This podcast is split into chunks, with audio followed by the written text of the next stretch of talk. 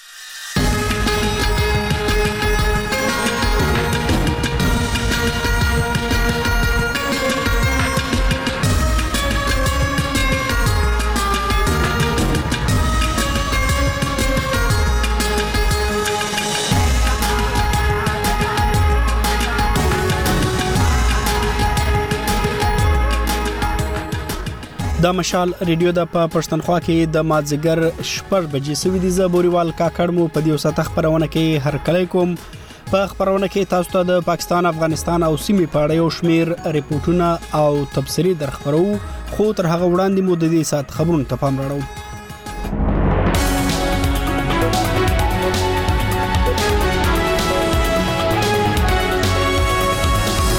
مهمو خبرونو سره ټکی د خبر پښتونخوا اسمبلی غړو په اکثریت سره علي امین ګنڈاپور د اعلی وزیر په توګه منتخب کړی دی د افغانستان د بشري حقوقو لپاره د ملګر ملتونو ځانګړي چارواکي وایي په دې هیواد کې د بشري حقوقو حالت لا خراب شوی دی او اوکراین وايي د روسیې څلور بې پیلوټه الوتکې وشتلې دي اوس بشپړ خبرونه د خبر پښتونخوا د اسمبلی غړو په اکثریت سره علي امین ګنډپور د اعلی وزیر په توګه منتخب کړی دی د مارچ په لومړۍ نیټه په اسمبلۍ کې د اعلی وزیر څوکۍ لپاره انتخاب وسو چې پکې علي امین ګنډاپور نیوي او د مسلم لیګ نون نوماند عباد الله شپاړس رای ترلاسه کړي علي امین ګنډاپور د پاکستان تحریک انصاف له مخکشه سیاستوالانو یو دی او اوس مهال د خیبر پښتونخوا صوبایي مشر دی نوموړي تر منتخبېدو وروسته په وینا کې ویل چې په خپلواک حیثیت انتخابات ګټلي وو او په ازاده توګه د صوبې اعلی وزیر غوره شوی دی هغه د صوبې پر خلکو ږغ وکړ چې د درغلیو او اداري فساد پر ضد هڅې وکړي.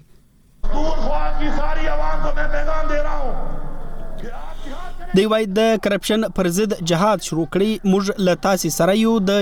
چا څه جرات چې له تاسو پیسې وغواړي د چا څه جرات چې له تاسو رشوت وغواړي دا په داسې حال کې ده چې تحریک انصاف د فروری پر 19 اعلان وکړ چې د هغه ګوند ملاتړي خپلواک استاذي په قومي او صوبایي اسمبلیو کې پاسونی اتحاد شورا یا کونسل کې شاملېږي د پاکستان مسلم لیگ نون نومان سردار ایا صادق د قومي اسمبلی نوې سپیکر منتخب شوی دی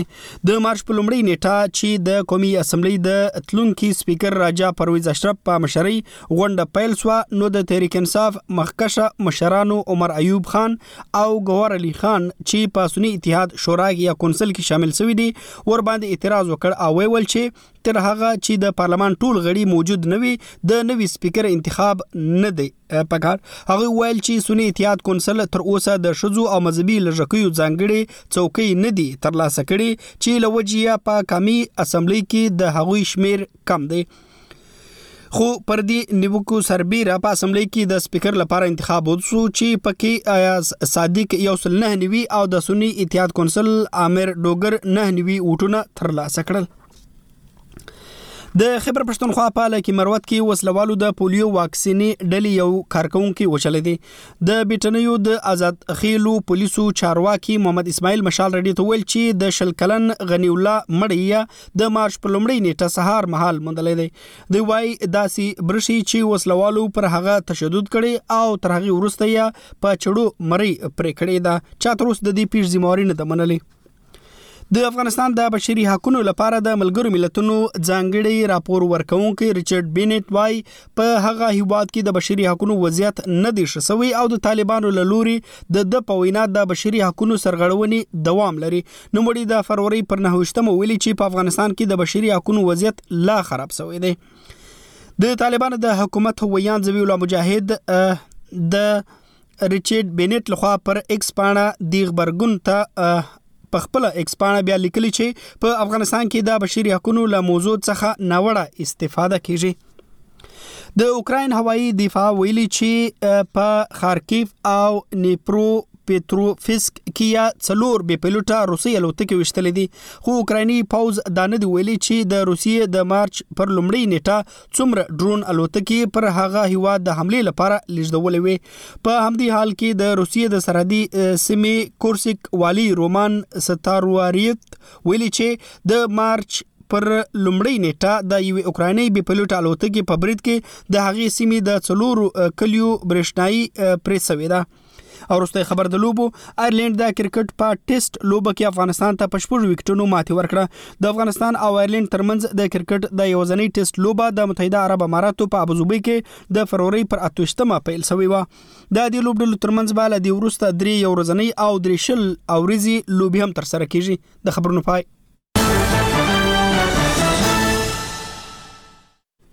تاسو مشال ریډیو ته غوږ یاست که د خبرونې تر پای را سره واست نو دا ریپورتونه به واورئ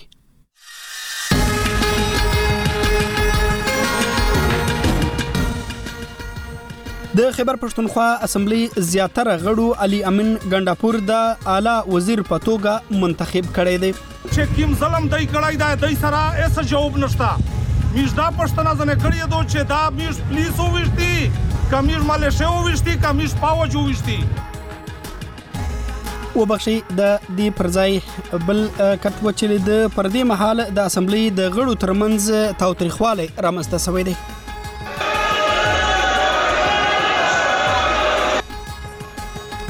بل پلو د پاکستان مسلم لیگ نن نومان سردار عزیز صادق د قومي اسمبلی نوې سپیکر ټال ټکل شوې ده د سپیکر دنده څه وي؟ په نشنل اسمبلی کی سپیکر د یو ریفری په طور باندی کار کوي او دا یو ډیر پاور فل سیټ دی او ده سره ده اختیار وي چی څوک نشنل اسمبلی ته پریدی څوک د کاروی دوران د نشنل اسمبلی نه بهر وباسی. د دې هر څه اوریدو ته له مشال ریډیو سره اوسئ.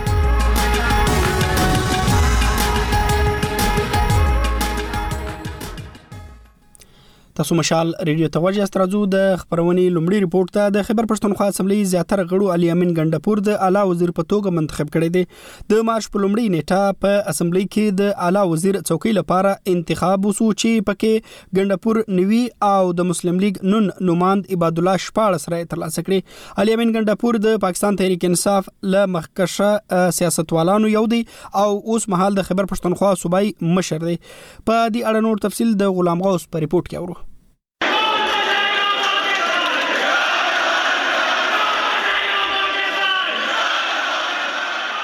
دا د پاکستان تحریک انصاف سره تعلق لرونکي د اسمبلی آزاد غړي او د پاکستان تحریک انصاف پلویان دي چې د پښتونخوا په اسمبلی کې د نوي اعلی وزیر د منتخب کولو وروسته د خپل ګوند د بانی او پخوانی وزیر اعظم عمران خان په حق کې شعارونه ورکوي نوي منتخب اعلی وزیر علي امین ګنډاپور بیا د اسمبلۍ غونډې ته په وینا کې هم د خپل ګوند د باني عمران خان د سیاسي مبارزې په اړه اول خبره وکړه او په عمران خان د جوړو شویو مقدمو د ازادو پلټنو او د هغه د خوشې کولو غوښتنه یې وکړه. علي امین ګنډاپور د نهم مې د پېښو وروسته د پاکستان تحریک انصاف د پلویانو او سیاستوالو په ضد د مقدمو درج کولو په اړه په پولیسو تور پورې کړو چې زیاتې مقدمې یې ناسمې ثبت کړې دي او که په یوه اونۍ کې یې دا ناسمې مقدمې خارج نه کړې نو د ذمه وارو په ضد به کاروايي کوي. اګر ایک هفته کې اندر یې ایف آی آر ختم نه کی ګی. که چیرې په یوه هفته کې دننه دا ایف آی آرز ختم نه شو نو چې چا ناسمې مقدمې درج کړي او د سمولو لپاره تیار نه وي نو سزا ته دي بیا تیار شي. ګنډاپور د دې سیاسي خبرو او غوښتنو وروسته د صوبې په امنیتي، اقتصادي او انتظامي وضعې ښه کولو او د روژې د میاشتې شروع کولو سره سم د صحت کارت پروګرام په نوم په صوبه کې د مفت علاج د سهولت بیا بحالولو اعلان هم وکړو. او زیاته یې کړه چې په صوبه کې د ټولو لپاره د قانون د بالادستۍ او د کرپشن یا اداري فساد د ختمولو لپاره به ګامونه پورته کوي. د علي امین ګنډاپور د دې وینا په ځواب کې د حزبي اختلاف مشر عبادالله هغه ته د سیاسي خبرو په ځواب کې وویل چې د هغوی رهبر نواز شریف هم د بېلابېلو مقدمو په اساس په زندان کې اچولی شوی و خو هغه زیاته کړه چې په دغه سیاسي معاملاتو هغه زیاتې خبرې کول نه غواړي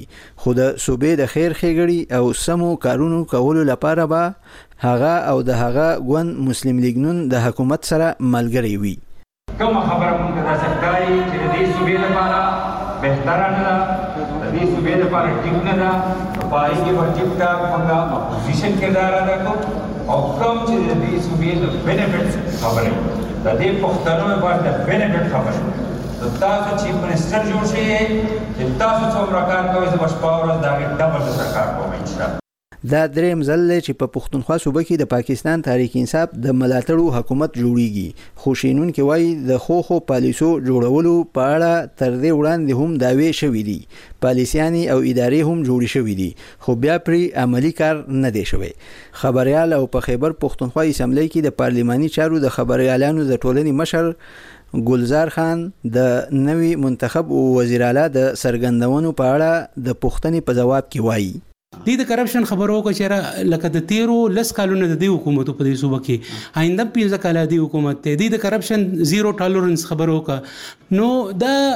د تقریر په حواله باندې د تقریر حد پورې خدا لکه یو ډیر خ دغه دی وکړو خو دا کتل غواړي چې رب دی باندې دی عمل سمره کوي دی خو د خپل ممبرانو نه حلف مو اغستو چیرې موږ به نه کرپشن کوو نه به کرپشن پریدو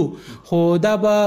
زموږ د صوبې د عوام ګوري چیرې دی په دې خپل وادو باندې په دې خپل اعلاناتو باندې په دې خپل پالیسۍ باندې څومره عمل کوي بظاهر خدا لکه دونه اسانه نه ښکاري لکه دی څه د میکانیزم اعلانونو کو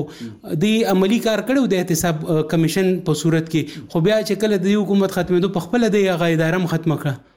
په خېبر پښتونخوا اسمبلۍ کې د اعلا وزیر د انتخاب وروسته اوس د نوي حکومت په کابینه کې د نورو صوبايي وزیرانو د اخیستلو لپاره سلا مشورې روانې دي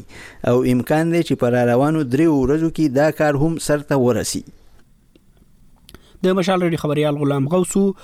د مسلم لیګ نون مخکښ ایا صادق بل پلو د پاکستان د قومي اسمبلی سپیکر منتخب شوی دی نن په قومي اسمبلی کې د رایو اچولو پر مهال یو سل نه نیوي غړو ایا صادق ته او یو نیوي غړو د سنی اتحاد کونسل نوماند امیر ډوګر ته رای ورکړی دی دا چې سپیکر څنګه ټاکل کیږي او څه واک او اختیار لري په دې اړه تفصیل د ګور مسید په رپورت کې د عامو انتخاباتو نه پس ولسمشر د پارلمان غونډه راوغواړي چې غرض یې د سپیکر انتخاب وي. خبریال جمشید خان مشال رډیو ته وویل چې سپیکر انتخاب په ډیره پټه او خفیه ډول سره کیږي چې چاته معلومه نشي چې ووټ دې چاته واچولو. جمشید خان زیاته کړه. اسمبلۍ کې چې کله حلف ارکین قومي اسمبلي والي نو هغې نه بعد چې دې زوړ چې کوم سپیکر وي هغه اعلان وکړي چې په دې ورځ په دې ټایم باندې د زمونږ پروسیجر چې دی دا شروع کیږی او چې کوم کاغذات یې نمزدګی دی هغه د زما افس کې یا په سیکټری قومی اسمبلی چې دی هغه کې دا جمع شی هغه نه بعد د دی سکروټنینګ کیږی او د سکروټنینګ نه بعد چې دی په نیکسټ ډی پروسیجر چې دی هغه شروع شی نوی سپیکر چې دی اولنی کار دا کای چې هغه فورا چې دی د ډپټي سپيکر انتخاب شروع کړي او د ډپټي سپيکر انتخاب چې کله هغه شروع کړي هغه هم داسې پروسيجر وي. وکيل اسدالله خان مشال ريډيو سره خبرو کې وويل چې سپيکر يو داسې آئيني او مهمه څوکي ده چې له دې بغېر د قامي اسمبلۍ غونډه هم نه شي کېدې. که سپيکر په موقع موجود نه وي نو دا کردار بيا ډپټي سپيکر پوره کوي. اسدالله زياته کړه. په نېشنل اسمبلۍ کې سپيکر د يو ريفري په طور باندې کار کوي او دا يو ډېر پاورفل سيټ دی. دی دوی چی کوم د نشل اسمبلی چی کاروی ده هغه ریګولیټ کوي دغه شانتی دا د یو پریزایډنګ افیسر په طور باندی کار کوي یعنی د ټول نشل اسمبلی چی کوم غړي دي د هغی د ټولو دی افسر ناست وي او ده سره د اختیار وي چی څوک نشل اسمبلی ته پریدي څوک د کاروی دوران د نشل اسمبلی نه بهر وباسي دغه شانتی پروډکشن آرډرز جاری کولی شي که یو غړی غیب وي یا د پولیس چا د چا په تحویل کی وی دی د نشنل اسمبلی چی کوم اجلاسونه دی د هغی صدارت کوي چاته خبرو څومره موقع ورکول دی دغه موقع ورکول یی کیږی د هغی نه علاوه بلونه پاس کول دی بلونه نه دی پاس کول د دغی چی کوم افیرس چلول دی دا ټول چی دی نو دا د پارلیمان کی یعنی په نشنل اسمبلی کی د سپیکر اختیارات دی. څېړونکي عبداللهمومند وايي چې د آئین تر خوا لاندې د سپیکر څوکۍ د سیاسي ګوند سره تعلق نه لري خو د بده مرغه په پاکستان کې داسې روایات په نظر کم راځي. د مشال ریډیو سره خبرو کې ده زیاته کړه. اکارډنګ ټو د رولز آف بزنس آف د نیشنل اسمبلي هغه دا دی چې دا به ان بایسډي، امپارشل، به وي او د ټریجري او د اپوزیشن بینچز چې کوم ممبران دي هغوی ته به یو شانې موقع ورکوي د خپلې اظهار رایې او یو صورت کې به هغه خپل سیاسي پارټي ته جره هغه فیور نه ور کوي دغه سپیکر چې دی دغه به د ایوان سپیکر لګي د یو سیاسي جماعت سپیکر باندې لګي دا په پارلیمنت دیموکراسي کې پاکستان کې ما دیموکراسي دا غي علامت دی د دې سره سره کچرته حکومت یو بیر لاوړي په هغه کې به هغه پوره پوره موقع ورکړي اپوزیشن ته چې هغه په هغه بل باندې خپل اظهار وکړي یا هغوی ته د خپل نقطه نظر وړاندې کولو موقع ورکړي. څېړونکي دا هم وايي چې د تېرې یوې مودې راهسې پاکستان کې د پارلمان بې قدري ځکه هم څو څو ځله وشي چې سپیکر د پارلمان کم او د یو سیاسي ګوند ویاند زیات جوړ شي. ګوهر مسید، مشال ریډیو، اسلام اباد. پرون د خبر پښتونخوا اسمبلی په غونډه کې د پاکستان تحریک انصاف ګوند او د مسلم لیګ نون ګوند د غړو ترمنځ پر یو بل سختې نیوکې وسوي او د یو بل خلاف یې نارې ووهلې بلخوا په صوبایي اسمبلی کې د حزب اختلاف نومول سوي مشر عباد الله چې د مسلم لیګ نون سره تعلق لري او وایي چې دا سیاسي تاوتریخوالی به تر دې حد نه وړي چې په مرکز کې خپل وزیر اعظم ته ووایي چې د دې صوبې له حکومت سره دی مالی مرستې نه کوي د صوبایي اسمبلی په پرونی غونډه کې د سپیکر او مرستيال سپیکر انتخاب هم تر سره سو په دې اړه نور تفصيل له غلام غوث اورو چې د اسمبلی د ځینو غړیو په نارو پیلېږي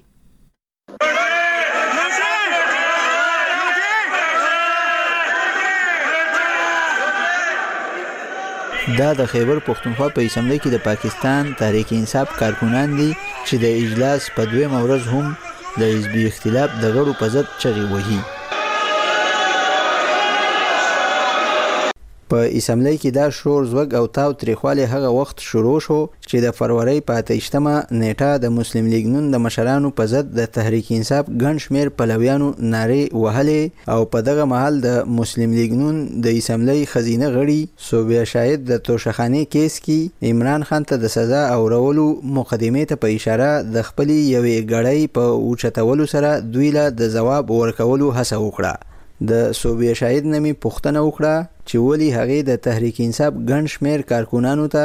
د ګړۍ په خوځولو سره د دوی غوسه نوره هم راوپاروله نو په ځواب کې هغې وویل. په اسمبلۍ کې ریکارډینګ موجود دی، لګیا وو زما د لیډر شیپ پسې لګیا وو، د مریم بي بي پسې لګیا وو، میا نواز شریف پسې لګیا وو، نو بیا چې زه کله کیناستم او بیا هم دوی نه چپ کیدله نو ما خو وې چې اوس دوی له جواب پکار دی، ما صرف ګړۍ راواغیسته او ګړۍ مې دوی ته وښووله. دا هغوی دا وایي چې دا یو سیاسي مقدمه ده او عمران خان یې هسې دغه کړې که نه مطلب په مختلفو معاملاتو کې. جناب دا سیاسي مقدمې داسې په موږ باندې هم ډېر دي نه به موږ په هغې باندې غوسه اخلو نه موږ د هغې ذکرونه کوو هغه ټول عوامو او خلکو ته پته دي. خو د پاکستان تحریک انصاف د اسمبلۍ غړي وايي د هغوی د سیاستوالو او کارکنانو سره د نهم مۍ وروسته ډېر زور زبردستي شوي ده نو ځکه د دوی کارکنان اوس د خپلې دې خوشحالۍ د لمانځلو لپاره د پښتونخوا اسمبلۍ ته دننه په ګڼ شمېر کې راغلي دي. پخواني سپیکر او د صوبايي اسمبلۍ غړي مشتاق غني تېره ورځ په اسمبلۍ کې د خپل ګوند ګڼ شمېر پلویانو ته په مخاطب کولو سره په دغه اړه د اسمبلۍ غونډې ته په وینا کې وویل، مجھے پتہ ہے کہ آپ کی خوشی کا کوئی اندازہ نہیں ہے بہت ما ته معلومه ده چې ستاسو د خوشحالۍ څه اندازه نشته تاسو او مونږه ډیر مصیبتونه برداشت کړل د دومره ستونزو باوجود مونږ ټول دلته را رسیدلی یو او دا یو تاریخي پیښه ده چې د یو ګوند مشر دی جیل کې وي او انتخابي نه خطري اغیستل شوی وي او هغوی بیا هم په دومره درون اکثریت وګټي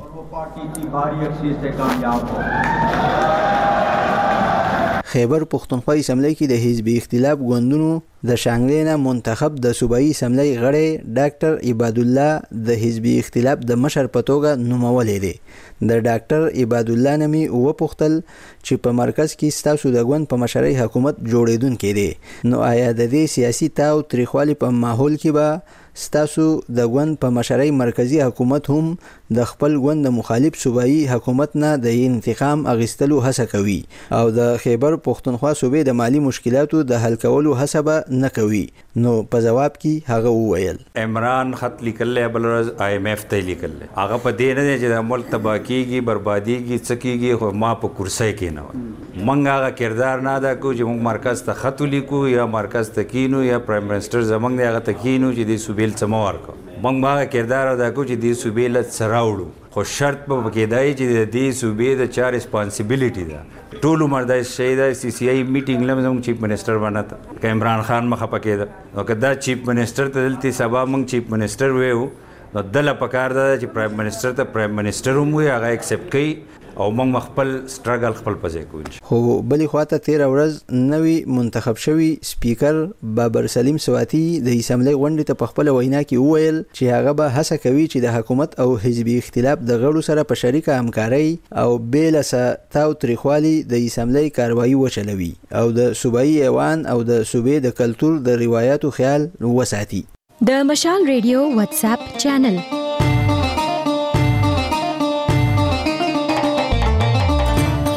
د مشال ریډیو پر واتس اپ چینل ویډیوګانو تصویرونو غږیزو خبرونو او لیکلي راپورونو ته لاسرسي پیدا کړئ د خپل واتس اپ کینی یا چپی خواته د اپډیټ برخه ته ورسی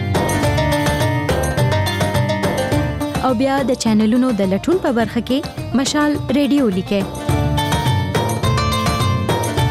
په دې توګه تاسو د مشال ریډیو واتس اپ چینل پیدا کولای او ورسره ملګري کېدلی شئ د مشال رادیو د واتس اپ چینل لینک له ملګرو سره هم شریک کړئ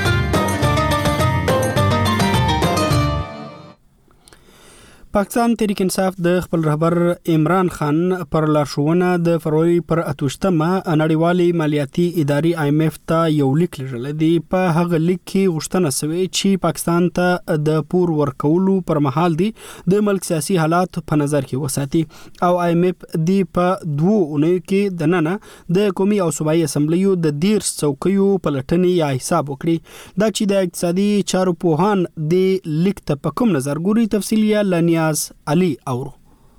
د اقتصادي چارو کارپوه او څېړونکي وایي د دې لیک بد اغیز به د پاکستان په نوي حکومت او آی ایم ایف سره د پور پروګرام په خبرو اترو هم وي په کراچۍ کې د اقتصادي چارو کارپوه ملک تنویر د پرورې په نهویشتمه مشال ریډیو سره په خبرو کې ویل د شوي ټاکنو په نتیجه کې په هیواد کې د هر چا حکومت چې جوړیږي په وړاندې یې سخت سیاسي او اقتصادي چیلنجونه دي. اب اس کا اثر اس حد تک تو هوګا کې لازمي پاکستان سه انکی انکی شرایط ذرا سخت هو جائیں گی پاکستان دی وایي د دې لیک اغیز به دا وي چې آی ایم ایف سره د خبرو په وخت به د هغوی شرطونه نور سخت شي ولې چې پاکستان کې نوی حکومت په سیاسي توګه مضبوط حکومت نه جوړیږي. د عمران خان ګوند له خوا په مرکز او پنجاب کې یو مضبوط اپوزیشن او په خیبر پښتونخوا کې یې حکومت دی بیا سیاسي استحکام هم نه لیدل کیږي او پاکستان کې چې کوم حکومت جوړیږي دا به ډیر کمزورې حکومت وي بڑی کمزور حکومت هوګي. ملک تنویر وايي پي ټي آی له خوا آی ایم ایف ته د خط استولو بد اغیز به خامخا مخې ته راځي او د دې اغېز به د پور ورکولو په پروګرام کې له سختو شرطونو سره وي.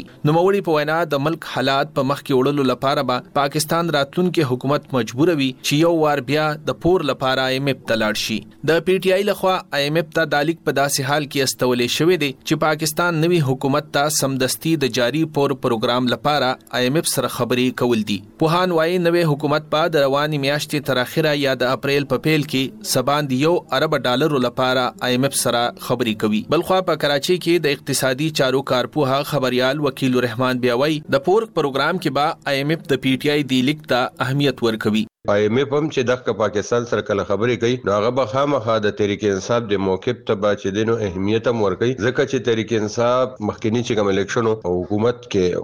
پارټي پاتې شوې ده بیا دې وخت کې چې دینو په سیټونو لحاظ سره پاکستان کې د ټولو نه غټه پارټي ده په یو صوبه کې دا غي چې دینو واضح اکثریت ته د دومره غټ تحریک انصاف د پارټي چې دینو آی ایم ایف اغي نشي اګنور کولې نو هر قسمه چې د حکومت نه اغي په دغه روان پروګرام کې هر قسمه یقین دیانی شورټي یا څه خبرې کوي هغه به تحریک انصاف هم خامخا اون بورډ الي. وکیل الرحمان وايي، پاکستان ته راتلونکي دریو کالو کې شاوخوا پنځه اویا اربه ډالره بهرني قرضونو په صورت کې بېرته ورکول دي او د دې لپاره به پاکستان د آی اېم اېف سره د شپږو نه تر اته اربه ډالرو نوی تړون هم کوي. بلخوا په اسلام اباد کې د اقتصادي چارو کارپوه ډاکټر غلام صمد د فرورۍ په نویشتمه مشال رېډیو ته ویلي، پاکستان کې سیاسي استحکام نه ښکاري خو د پی ټی آی د دې لیک مقصد اقتصادي نه بلکې سیاسي دی او پی ټی آی د خپل سیاسي ګټې لپاره لیک استولې دی. چې آی ایم ایف چې کوم دی بنیادي تور یو کریډیبیلیټي ته ګوري که د کوم حکومت آ سیاسي ګوندونو چې یو کریډیبل آ حکومت وي یو کریډیبل پولیټیکل آ پارټی وي نو هغه د غي د پر ډیر زیات امپورټنت وي او چې کله دا کریډیبلټي نه وي نو زما په خیال بیا چې کم دینو مسایل چې کم دینو هغه موجود وي پاکستان کې بنیادی تور د ټیم کې چې کوم مسله ده کنه هغه زیات تر سیاسي د پدې رنګ کې چې د یو بل چې کم دینو لاندې راغوزاري زما په خیال دا خبره خو اوس واضحه ده چې هر ادارو ته پته ده چې ملک کې دې ټیم کې د دې چې کوم جنګ دی هغه د کورسای جنګ دی سیاسي جنګ دی او اکنامکس د دوی پریاریټي نه ده. که څه هم پاکستان تحریک انصاف په خپل لیک کې دا هم ویلي چې د دې لیک د لیږلو مقصد یې هیڅکله د آی ایم ایف د پور مخه نیول نه دي او نه د آی ایم ایف پروګرام کې خنډ کیدل غواړي خو د پاکستان نګران وزیراعظم انورالحق کاکړ، پخواني وزیراعظم میا نواز شریف، شهباز شریف او نورو غړو بیا د پاکستان تحریک انصاف د دغه لیک غندنه کړې ده او د پي ټي آی مشر عمران خان یې سختې نیوکې کړې دي. شهباز شریف په اسلام اباد کې د اسمبلۍ له ړومبۍ غونډې خبریالانو سره په خبرو کې ویلي چې د تحریک انصاف له خوا آی ایم ایف ته لیک استول د سایفر نه وروسته د ملک دښمنۍ دویم لوی ثبوت دی. پي ټي آی په استولي خط کې ویلي چې د اتمې فرورۍ په ټاکنو پنځوس اربه روپۍ لګښت شوی دی، خو په دې ټاکنو کې په لویه کچه لاسوهنه او نتیجو کې درغلۍ شوي دي. پاکستان کې په اتمې فرورۍ عام انتخابات شوي، خو د تحریک انصاف په ګډون یو شمېر نور ګوندونه دې انتخاباتو کې د درغلۍ او لاسوهنې تورونه لګوي، خو بل خوا د ټاکنو کمېشن دا تورونه رد کړي او ویلي، که څوک ثبوتونه لري، نو د ټاکنو کمېشن یا عدالت ته دې لاړ شي. نیاز علي، مشال ریډیو، کراچۍ.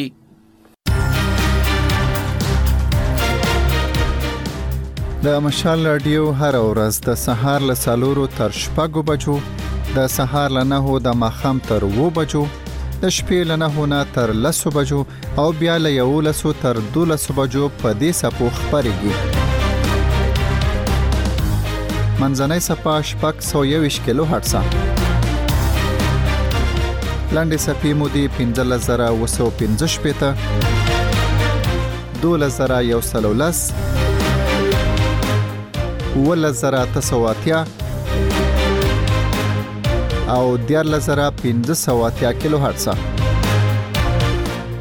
اوریدونکو ته یادونه کوو چې مشال رادیو له دې وختونو نه د سهار له سالورو تر شپږو بجو د مازیګر له شپږو نه تر وو بجو د شپې له نه نه تر لسو او بیا د شپې له یو لسو نه تر دولسو بجو په منځنۍ سپه شپږ سو یوش کیلو هرڅ خبرېږي په پاتې یادو شو وختونو کې مو یوازې په لندو سپو اوریدل شي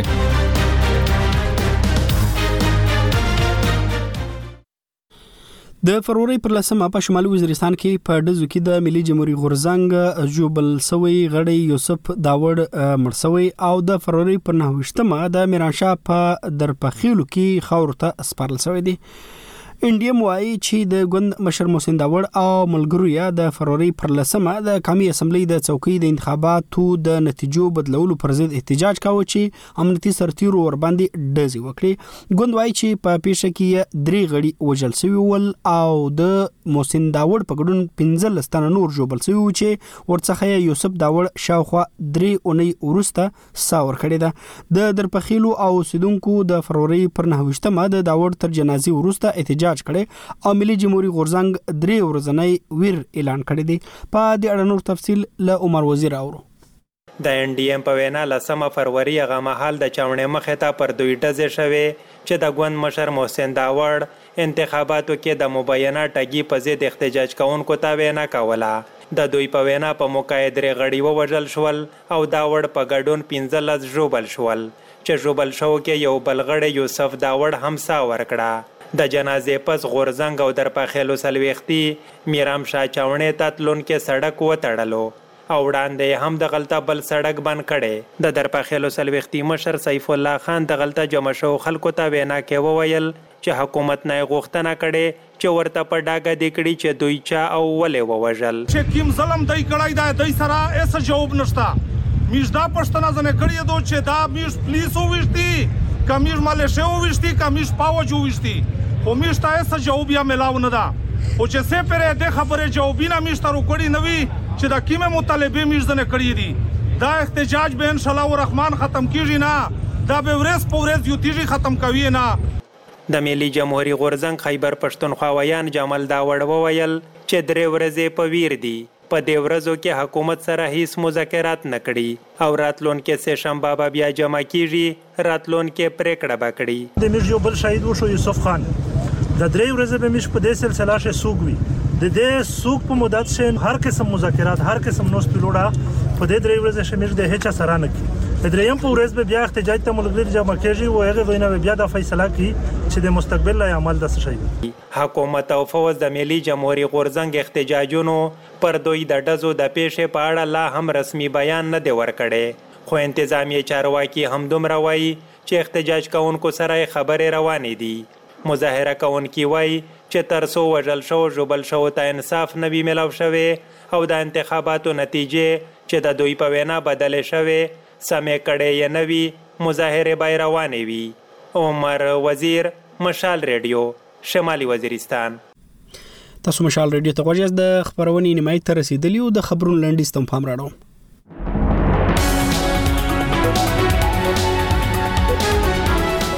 د خبر پښتونخوا اسمبلی غړو په اکثریت سره علي امین منډپور د اعلی وزیر په توګه منتخب کړی دی د مارچ پر لومړۍ نیټه په اسمبلی کې د اعلی وزیر څوکۍ لپاره انتخاب وسو چې پکې علي امین ګنډپور نیوي او د مسلم لیگ نون نوماند عبد الله شپارس رائے ترلاسه کړي د پاکستان مسلم لیگ نون نوماند سردار ایا صادق د قومي اسمبلی نوې سپیکر منتخب شوی دی د مارچ په لومړۍ نیټه چې د قومي اسمبلی د تلونکي سپیکر راجا پرویز اشرف په مشرۍ غونډه پیل شو نو د تحریک انصاف مخکشه مشرانو چې په سنی اتحاد یا کونسل کې شامل شوی دی ور باندې اعتراض وکړ او ویل چې تر هغه چې د پارلمان ټول غړي موجود نوي د نوي سپیکر انتخاب دی نه کیږي خو پر دې نیوکو سربیره په اسمبلی کې د سپیکر لپاره انتخاب وسو چې پکې آیا صادق یو سل نه نیوي او د سونی اتحاد کونسل عامر ډوګر نه نیوي اوټونه واخستل د خبر پښتونخوا په لکی مروت کې وسلوالو د پولیو واکسینې ډلې یو کارکونکو وشلې دي د بیټنیو د آزاد خېلو پولیسو چارواکي محمد اسماعیل مشال رډي ته ویل چې د شل کلن غنی الله مړی د مارچ په لومړۍ نیټه مندلې دي دی وایي داسې ښکاري چې وسله والو پر هغه تشدد کړي او تر هغه وروسته یې په چړو مری پرې کړې ده د پیښ ذمہواري چا نه ده منلې د افغانستان د بشري حقوقو لپاره د ملګرو ملتونو ځانګړي راپور ورکونکي ریچارډ بنټ وای په هغه هیواد کې د بشري حقوقو وضعیت نه دی شسوي او د طالبانو له لوري د بشري حقوقو سرغړونې دوام لري نوموړي د فروری پر نهه ویشتمه ویلي چې په افغانستان کې د بشري حقوقو وضعیت لا خراب شوی دی د طالبانو د حکومت ویاند ذبیح الله مجاهد د ته په خبرګون کې پر ایکس پاڼه ولیکل چې په افغانستان کې د بشري حقوقو له موضوع ناوړه استفاده کیږي او د اوکراین هوایي دفاع ویلي چې په خارکیف او د نیپرو پتروفسکیا څلور بي پيلوټه روسي الوتکې وشتلې دي خو اوکرایني پوز دا نه دی ویلي چې د روسیې د مارچ پر لومړۍ نیټه څومره ډرون الوتکې پر هغه هیواد د حمله لپاره لیږدولې وي تاسو مشال ریډیو ته غوړ یاست او سم راځو د پاتې ریپورتونو پر لور د حماس سختدریزي ډلې د روغتیا وزارت وایي چې په غزي کې د جګړې له پیل تر اوسه پورې تر ډیر زره ډیر کسان وژل شوی دي دا اعلان په داسې حال کې کیږي چې منځګړي وایي په څو ورځو کې به اوربند ټینګ سي تفصیل اسمت ساروان راکوي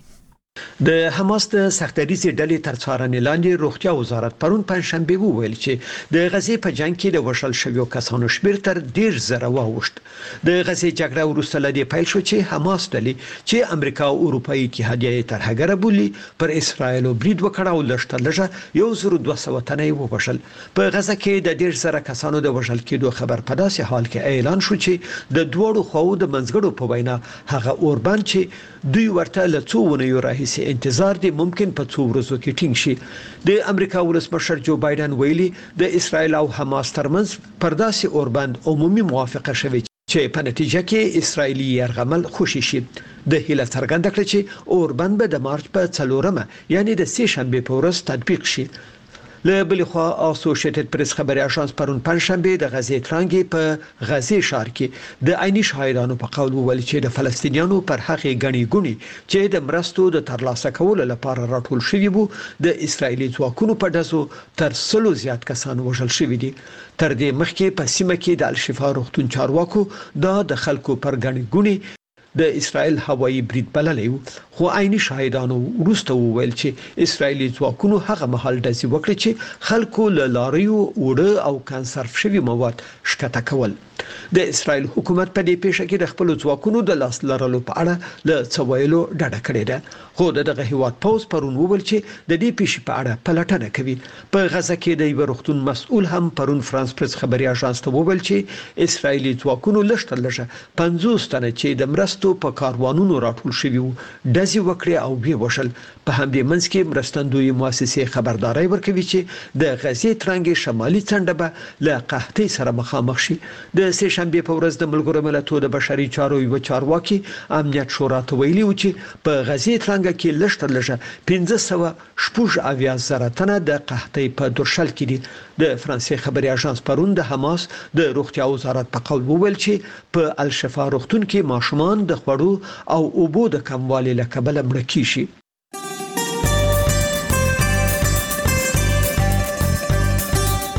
د مشال رېډیو د خالي ورځې اونیزې خپرونې، حجره، په لس نیمو بجو، نوې نړۍ، په پاوکم یوه بجه، د کرښې په غاړه. په یوه بجه. سندرې جادوګرې. په دوه نیمو بجو. باډیوې. په دریو بجو. پام کوه. په څلور نیمو بجو. د مشال په نوم. په پنځو بجو.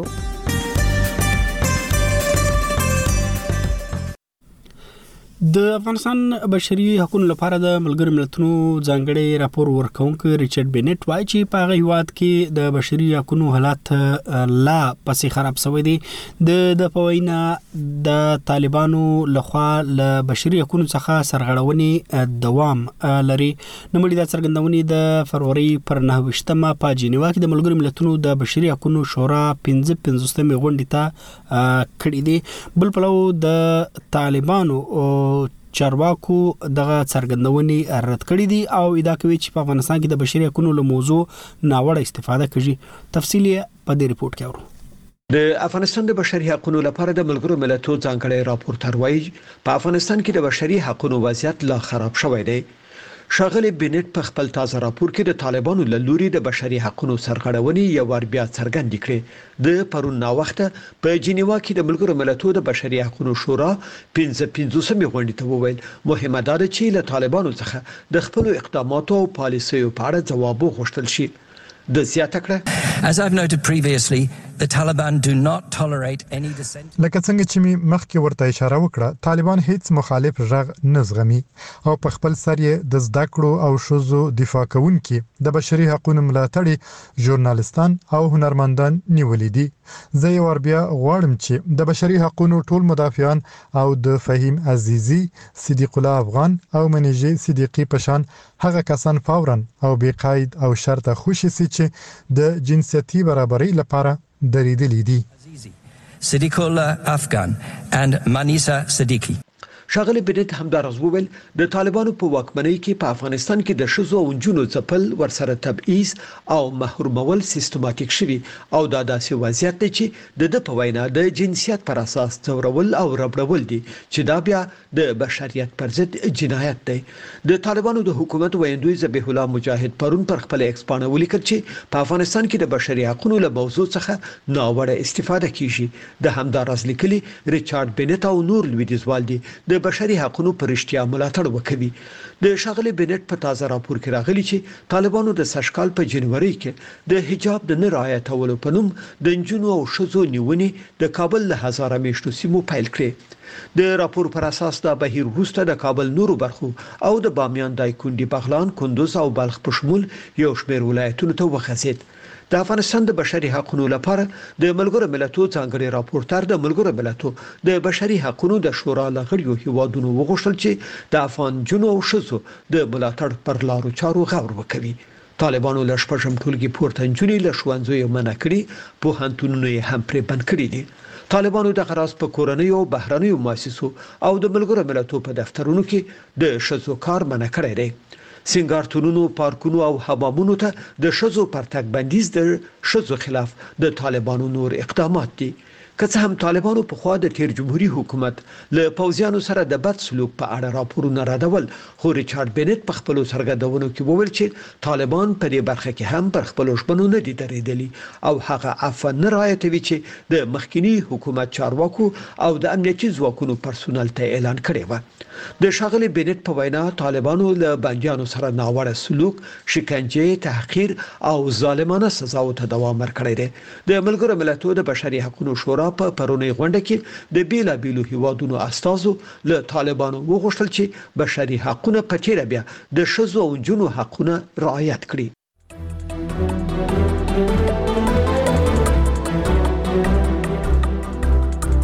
مشال رادیو ته غوږ یاست. او زموږ غږ په مشال رادیو ټکی کام او د مشال رادیو د اپلیکیشن لاري اوري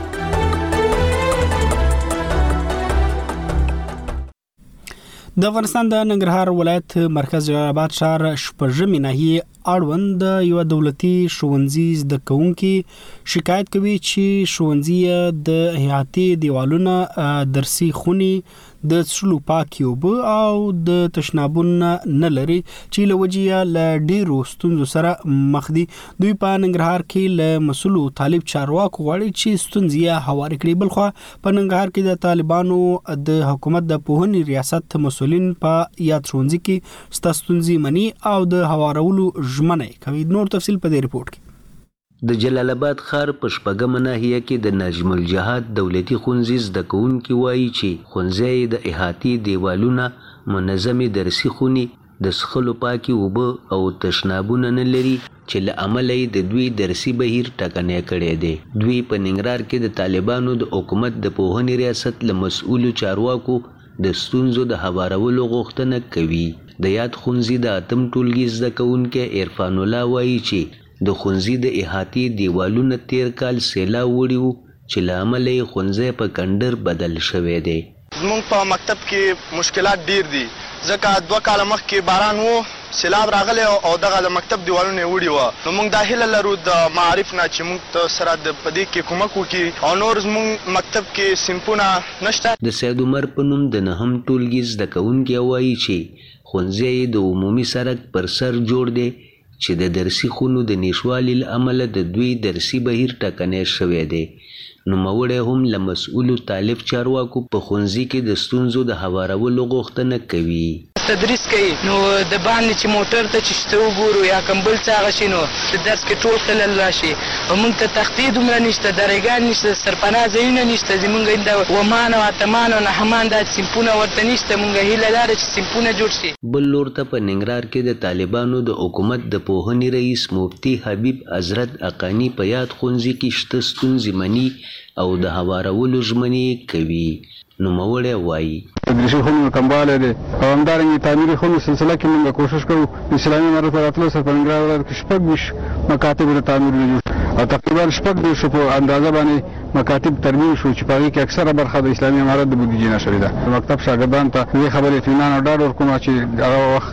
قریب دی، انشاءالله لرې نه دی، چې موږ او تاسو به د دې خبرې شاهدان یو چې د تدریسي او اداري برخه کې یا د دې ساختماني برخه کې کوم مشکلات دي، نیمګړتیاوې دي، هغه به پوره شي. د ذکر وړ ده چې په ننګرهار کې څه باندې نهه سوه دولتي ښونځي شته چې تر نیمايي یې زیات د احاطې دیوالونه، منظمې تدریسي خونې، تشنابونه او د څښلو د پاکو اوبو څاګانې نه لري.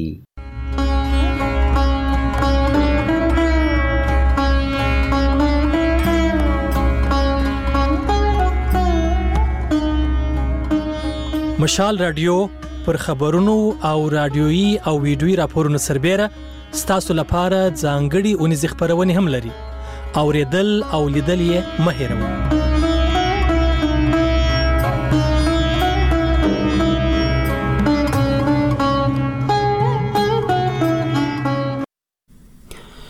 په خوست کې د طالبان د حکومت د کرن ریاست غیر دولتي موسساتو او شخصي ادارو لخوا د نویو نیالګیو کېنولو پیل سوی دی، د خوست اوسېدونکي له اړوند ادارو غواړي چې د نیالګیو د کېنولو ترڅنګ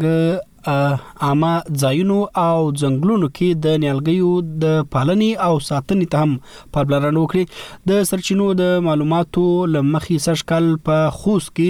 د شاوخوا اته لکه نویو نیالګیو کرلو په پام کې نیول سوي دي. نور تفصیل په دې رپورټ کې اورو. د نورو کلونو په شان یو ځل بیا د سپرلي ورځو په رانږدې کېدو سره په خوست کې د نیالګیو کینول پیل شول. په همدې پار د خوست د بېلابېلو سیمو د ځنګلونو د ساتنې د ټولنو غړو همداشان یو شمېر بزګرانو په ګډون غونډه جوړه شوې وه چې وروسته بیا د نیالګیو د کینولو اشر ترسره شو. د کرنې رئیس محمد زمان عمري مشال راډیو ته وویل چې سږ کال دوی، ځینې مرستندویه ټولنې او خصوصي سکتور د څه باندې اته لکه نیالګیو د کینولو پروګرام لري. جمله تقریبا اته لکه شل زره او اووه سوه اتیا نیلګي ممکنه وو هغه مختلف نوع نیلګي دي مسمر غیر مسمر دا ان شاء الله خدای کې می خوښ کې کنه وو ان شاء الله د نن ورځ موږ د هغې لپاره شروع وکړه په خوست کې د نیالګیو د کینولو په پار غونډه کې د ملګرو ملتونو د خوړو او کرنې سازمان په چوکاټ کې د ځنګلونو او څړځایونو د ساتنې ټولنو ته د کرنې وزارت د طبیعي سرچینو معینیت له خوا د فعالیت جوازونه هم ورکړل شول. له دې جملې یوه ټولنه په باک ولسوالۍ کې ده. د یادې سیمې یو بزګر مهاجر اکبر وايي، نیالګي ډېر مخیم دي، کله چې په یوه منطقه کې نیالګي نه وي، نه شي کولای چې هغه کې اوبه پیدا شي، کله چې کومه منطقه کې نیالګي کېنول شي، اوبه ژوندۍ وي، اوبه ډېره شي، نیالګي ډېر مهم رول لري موږ ته، کله چې نیالګي وي. هغه وطن سمسور وي تزا وي. خوستي بزګران وايي، تېرو وچکالیو د دوی کروندو او په ځانګړې ډول نیالګیو ته زیان رسولی و، خو وروستیو ورښتونو ته دوی خوښ دي او تمه لري چې نوي کال کې به د فصلونو په خوا کې د نیالګیو نتیجه هم مثبته وي. د ځاځي میدان د مغولخېلو اوسېدونکي قیمت خان همت وویل. نو کله چې بارانونه وشول خلکو هغه خېلې بېرته ژوندۍ شوې دي، ځکه چې نیالګي به بېرته وده وکړي، فصلونه به خاصیل خاصیل ویر کې نتجاب ویر کې نو دا د بزګرانو پر یو ستر بریا دی دوی د ته ډیر خوشحال دي په وروستیو دوه لسیزو کې د حکومتي ادارو او یو شمېر مؤسساتو لخوا د ژمي موسم په وروستیو شپو ورځو کې په عامه ځایونو او غرونو کې په لکونو نیالګي کینول کیږي خو پایله یې په هغه اندازه د پام وړ نه ده چې خلک یې هیله لري د صبرۍ د زمبر د سیمې اوسیدونکی حاجي حکمتي وایي، خو ما دغه موسساتو نه او دغه کوم غسر او په یو موسسه سره چې مونږ کار کوو دینه مو غوښتنه ده چې دغه پروژې باید دوام ولري ترڅنګ مو دولت نه غوښتنه ده چې دوی هم په دې برخه کې په دغه ساتنه کې د ولس سره همکاري وکړي. د خوست د شپږو ولسوالیو غرونه او غونډۍ لکه تڼي، سپېره، شمل دوه مونده، صبري، باک او ځاځي میدان ځنګلونه لري. چې د ځڼغوزیو په ګډون ځینې وچې میوې هم ورڅخه ترلاسه کیږي. سره له دې چې د خوست د ځنګلونو ډیره برخه په وروستیو څلورو لسیزو کې وهل شوې او له منځه تللې ده، خو په وروستیو کلونو کې یې د ځايي خلکو له خوا ساتنې او پالنې ته پام ډیر شوی دی.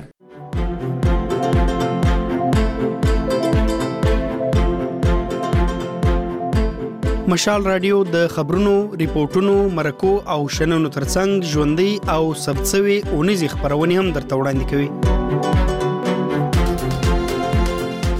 دا خبرونه تاسو په شپه پر منځنوي او په ورځ پر لندو چپو اوریدلای شئ. زموږ خبرونه په خپل کمپیوټر، لپټاپ، آیپډ ټیبلیټ او سمارټ فون کې هم پاکي او رڼي اوریدلای سي لمشال رادیو سره اوسئ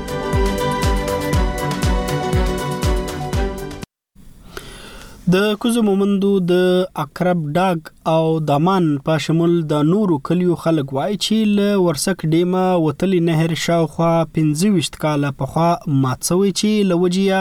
د دوی څه باندې پنځلس زره جریبه مځکه للمه پاته سوې ده.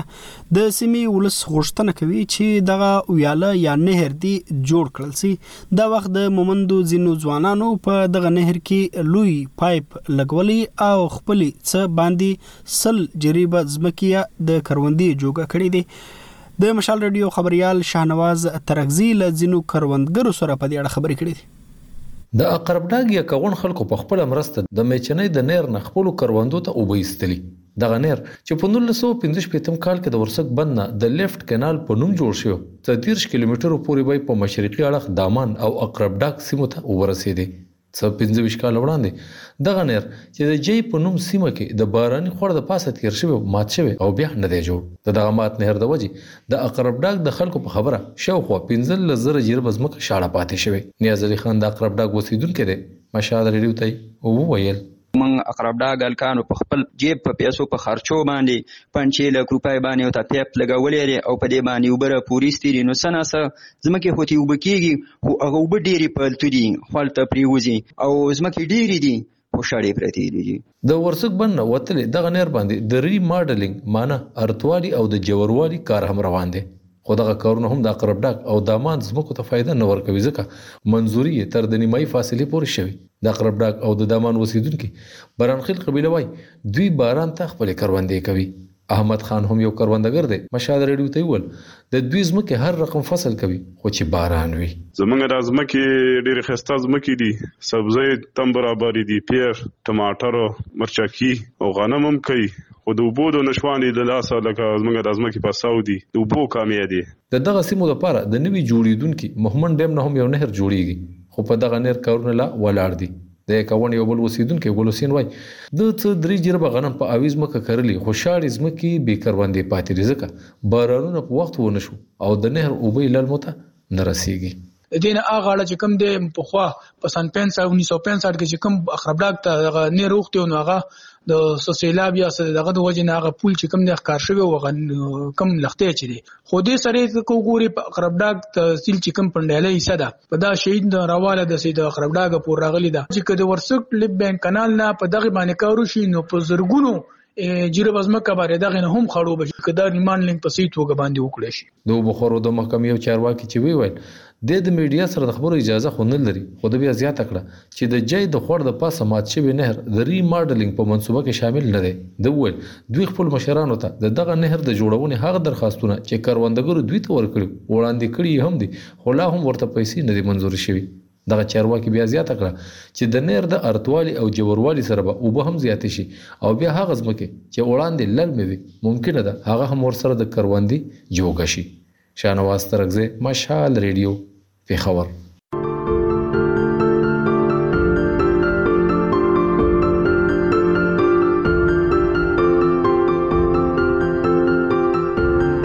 خپل سمارټ فون او ټابلیټ ته د مشال رادیو اپلیکیشن ورخکته کړئ او د مشال رادیو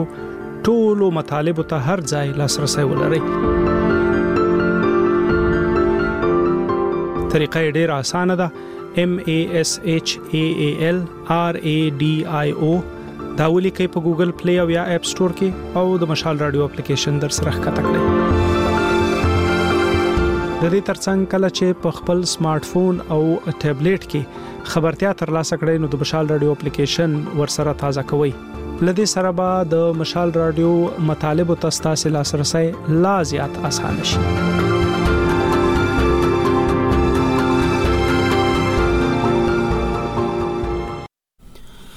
تاسو مشال ریډیو ته غوږ یاست په کورم کې د سپینغر ادبي ټولنې لخوا د شاعري او موسیقي یو پروګرام تر سره شوی په کورم کې تر یوې مودې په وروسته داسې بانډار جوړ شوی چې نه یوازې د کورمې په کچه پکې خلکو ګډون وکړ بلکې دغه بانډار ته د ځینو نورو سیمو څخه هم خلک ورغلي وو تفصیلی په دې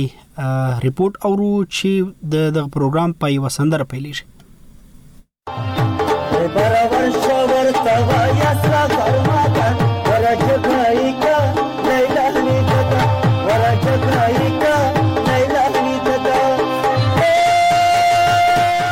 سندره په کورما کې لا میکې سیاحتي مرکز څخه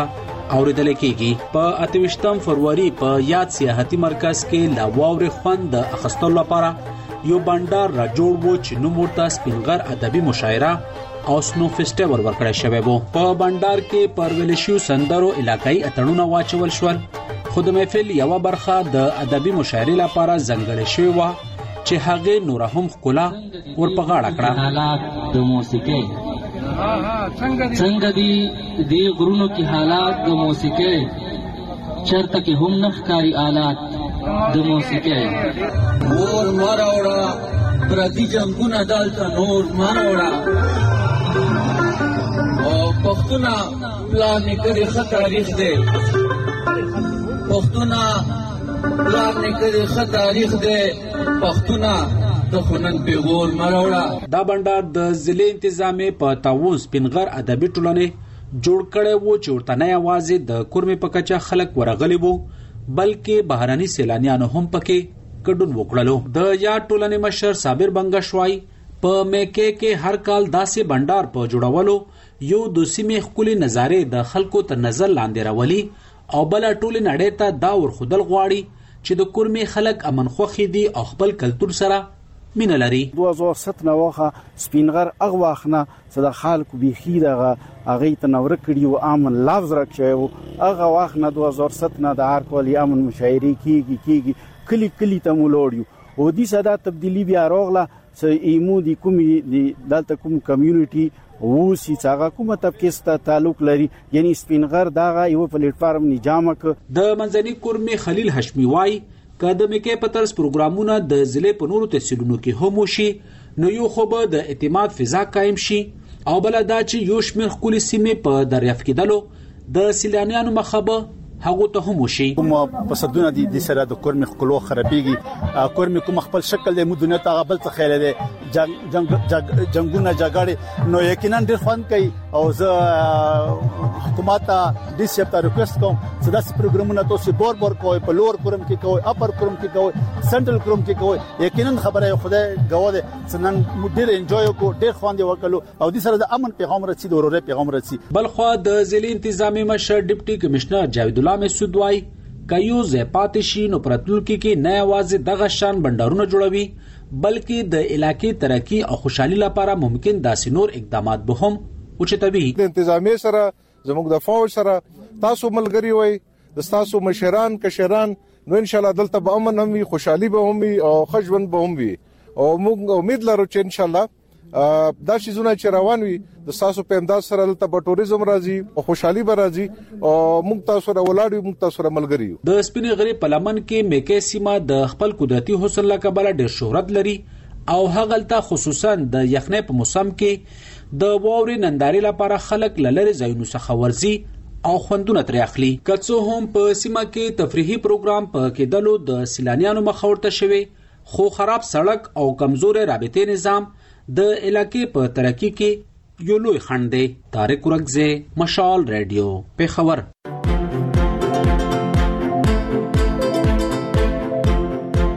مشال ریډیو خپل اوریدونکو ته هر ورځ سور لساته خبرونه کوي پر دې سربېره اونیزي خبرونه هم درته وړاندې کوي موږ د روغتیا ادب هنر روانو چارو مرمنو او ځوانانو په اړه ځانګړي پروګرامونه درته وړاندې کوو دا ورېدو لپاره لمشال ریډیو سره اوسئ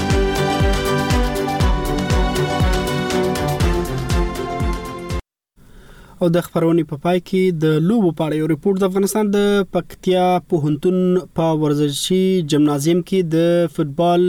فدریشن په نوښت د دې ولایت د بلابیلو سیمو د یو شمیر لوبډلو ترمنځ د فوټسال لوبې تر سره شوې دي د دې لوبو پایلوبه د ذوالفقار او پیمان لوبډلو ترمنځ شوې ده د مشال ریډي خبريال په اړه رپورت لري د پکتیا پوهنتون په ورزشي جمنازیوم کې د فوټبال فدراسیون په نوښت د دې ولایت د بیلابیلو سیمو د یو شمېر لوبډلو ترمنځ د فوټسال لوبې ترسره شوې د مسابقو پایلوبه د ذوالفقار او پیمان لوبډلو ترمنځ ترسره شوه چې ذوالفقار لوبډلې اتلولي خپله کړه د پکتیا د فوټسال لوبډلې ورزشکارانو په وینا دوی پیاوړي لوبغاړي لري چې کېدلی شي په راتلونکي کې د فوټسال د ملي لوبډلې برخه شي نو دا یو ښه زمینه وه د هم د شاګردانو لپاره هم د سپین ږیرو لپاره هم د نوي ځوانانو لپاره چې زه راشي هم لوبې وکړي او هم لوبې وګوري نو ما د دولت څخه او د د فدراسیون یا د فدراسیون د مشر څخه د غوښتنه ده چې دوی د همدارنګه نور دغه ګراوند هم جوړ کړي پکتیاوال ورزشکاران د ژمي په موسم کې دوی لپاره د ترمیناتي لوبو د زمینو برابرولو ته خوښ دي خو شکایت کوي چې په تیر کې د ولایت کې د ورزش پرمختګ ته لازمه پاملرنه نه ده شوې ضروري شیان داسې ده چې پکتیا لپاره هیڅ شی بس هیڅ شی اندک شیان هم خدمت نشته شوی مثلا مصنوعي چمن پکتیا ته ضرورت ده باید دلته راوړل شي او نور شان ډیر شان د چې موږ ورته وایو په پکتیا کې ورزشکاران وایي د دوی سپورتي فعالیتونه یوازې همدې ولایت پرې منحصر پاتې شوي او دا زمينه ورته نه برابر شوي چې لدې ځای بهر خپل سیالانو سره ولوبيږي تجربه ترلاسه کړي او یوړنه وګټي خواهش لرو چه د ورزشکارانو سره مرسته وکړي واقعا بهترین ورزشکاران مو په پکتیا ولایت کې هم همداشن په افغانستان کې لرو داسې ورزشکاران شته چې مخکې نشهیي توکو استفاده کول اوس همداشن خپل مسابقه ته دوام ورکړي او ښه فایټران ونه جوړ شوي دي ان شاء الله په نږدې وخت کې به هغونه استادان جوړ شي ان شاء الله بلخوا د برنامې تابیا کوونکي د دې لوبو موخه په پکتیا کې د فوټسال لوبو پرمختګ، د دې لوبې له تخنیکونو سره آشنايي او ورزشکارانو ته دوامدارو تمرینونو لپاره د شرایطو برابرول په ګوته کوي. مخکو وختو کې په ژمي کې به په پکتیا کې هوا ډېره یخه به وه نو لوبې به نه وې ټول ورزشکاران به په کور وو نو مو ډېره مننه د پوهنتون ادارې نه له رئیس صاحب نه معاون صاحبانو مدیر صاحبانو نه ډېره مننه چې موږ سره سږ کال ډېره همکاري وکړه په پوهنتون کې د دې فوټسال لوبې هلته شروع کړې. یاده دې وي چې په دې وروستیو کې فوټسال لوبې په افغانستان کې ښه پرمختګ کړی او ملي لوبډلې یې په نړیوالو لوبو کې پیاوړو لوبو ته ماتې ورکړې ده. د افغانستان د دې ورزش ملي لوبډلې تېر کال د مرکزي اسیا د فوټسال په سیالیو کې ترکمنستان، ازبیکستان او قرغیزستان پیاوړې لوبډلې ماتې کړې او همداشان یې